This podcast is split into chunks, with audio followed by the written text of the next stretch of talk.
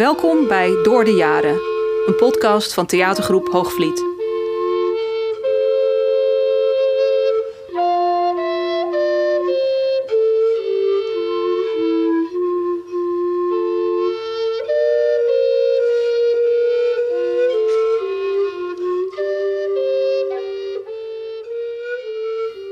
Ik was acht en zat samen met mijn zusje Ingrid op de bank.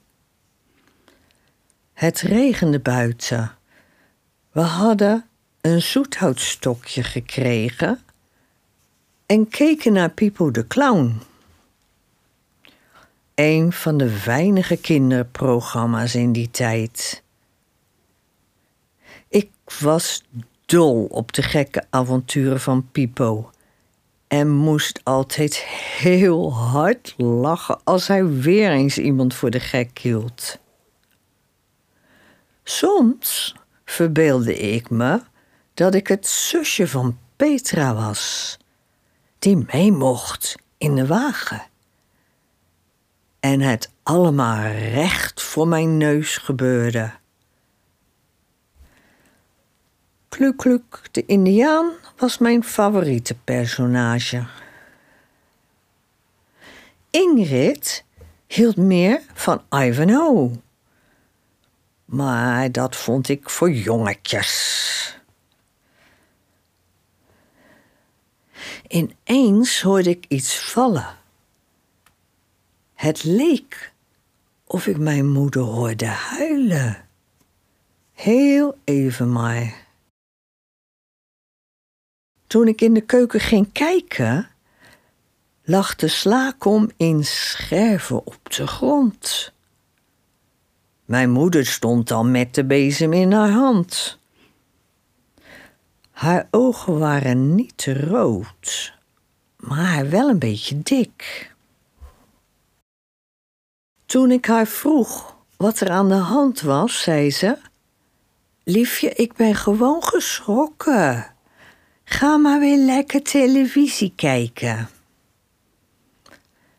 Ik wilde haar wel geloven, maar er viel de laatste tijd zoveel op de grond. En bij elke scherf had mijn moeder meer moeite om haar emoties onder controle te houden. Toen ik die avond naar beneden kwam om een plas te doen, zag ik mijn ouders in de woonkamer zitten. Meestal zaten ze elk op een aparte stoel. Moeder bij de kachel met haar handwerkje en vader in de zetel met de radio aan. Nu zaten ze aan de keukentafel dicht bij elkaar.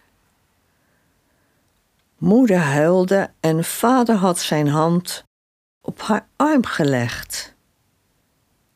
Ze keek hem niet aan. Ik durfde me niet te bewegen. Was bang dat ze boos zouden worden als ze me zouden zien. Ik had mijn moeder nog nooit zo overstuur gezien. Ze bleef maar huilen. Vader had ook gehuild.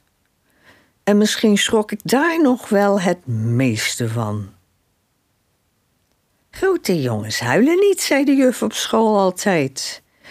En als mijn vader geen grote jongen was, nou, dan wist ik het niet meer.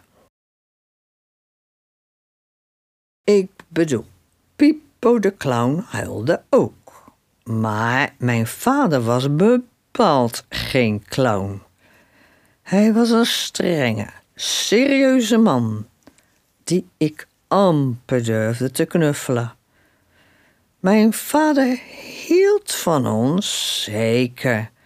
Maar op de een of andere manier ben ik altijd een beetje op mijn hoede geweest bij hem in de buurt. Ik liep op mijn tenen. Het voelde alsof hij iets met zich meedroeg. Iets dat elk moment kon ontploffen.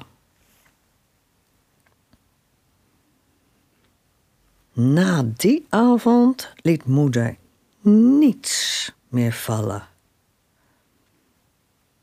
Ze was stiller, maar leek gelukkiger.